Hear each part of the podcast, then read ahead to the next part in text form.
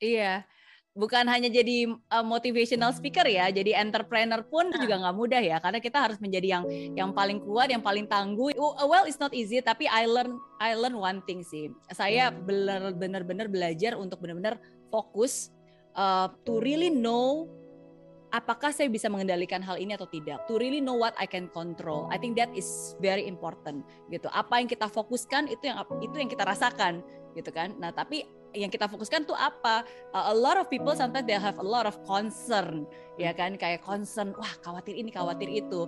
Well, oke, okay, nggak apa-apa, nggak masalah. Tapi the next question is, is your concern is it within your control? Kamu bisa mengendalikan hal itu enggak gitu? If you cannot if you cannot control it uh, ya udah it's okay. Just focus on things that you can control.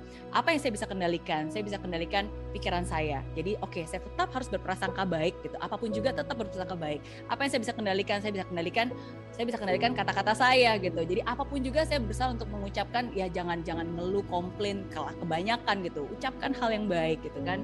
Um, uh, lakukan tindakan yang baik. Jadi itu biasanya itu sih yang harus yang yang sungguh-sungguh saya lakukan gitu ya tarik hmm. nafas berdoa berprasangka baik ucapkan baik gitu dan at least ketika saya sudah bisa mengendalikan emosi saya dan mengontrol diri saya sendiri um, ya barulah saya bisa ya udah menata hapus air mata oke okay, let's let's do it gitu. Dan dan akhirnya ya kalau memang itu dibutuhkan dan memang kebetulan pas lagi ada sesi gitu kan. Dan walaupun mungkin saya sedang lagi wah galau-galau sedih-sedih gitu kan tapi it's okay gitu I have to do it.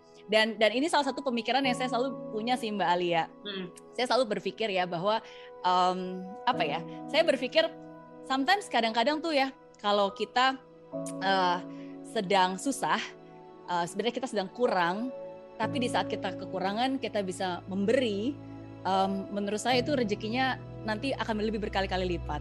Di saat kita sebenarnya sedang butuh didoakan, tapi kita bisa mendoakan orang lain, gitu. Di saat kita bisa bersyukur, walaupun sebenarnya kita nggak dapat apa-apa, tapi kita justru sedang kehilangan, gitu. Menurut saya justru itu percepatan ya dalam hidup kita ya. Jadi ketika kesempatan itu ada dan ketika saya sendiri sebenarnya sedang sedang down dan sedang butuh dimotivasi, tapi saya punya kesempatan untuk bisa memberikan motivasi untuk orang lain, ya bagi saya itu kesempatan sih untuk saya uh, karena apa yang kita taburkan itu yang akan kita tuai. Kalau saya bantuin orang lain walaupun saya susah, ya pasti nanti yang lebih besar yang akan bantu saya untuk menyelesaikan masalah saya gitu. Jadi itu sih yang selalu saya saya pikirkan gitu. Jadi saya pikir ya udah nggak apa-apa.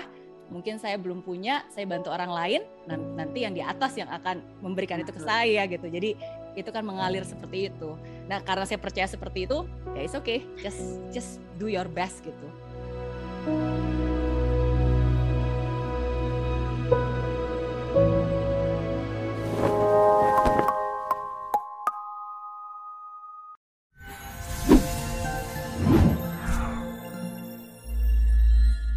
aplikasi Mary Riana tersedia lengkap video-video YouTube terbaru saya, artikel yang up to date, post inspirasi, koleksi merchandise, workshop dan seminar yang bisa kamu dapatkan free dan download sekarang juga gratis.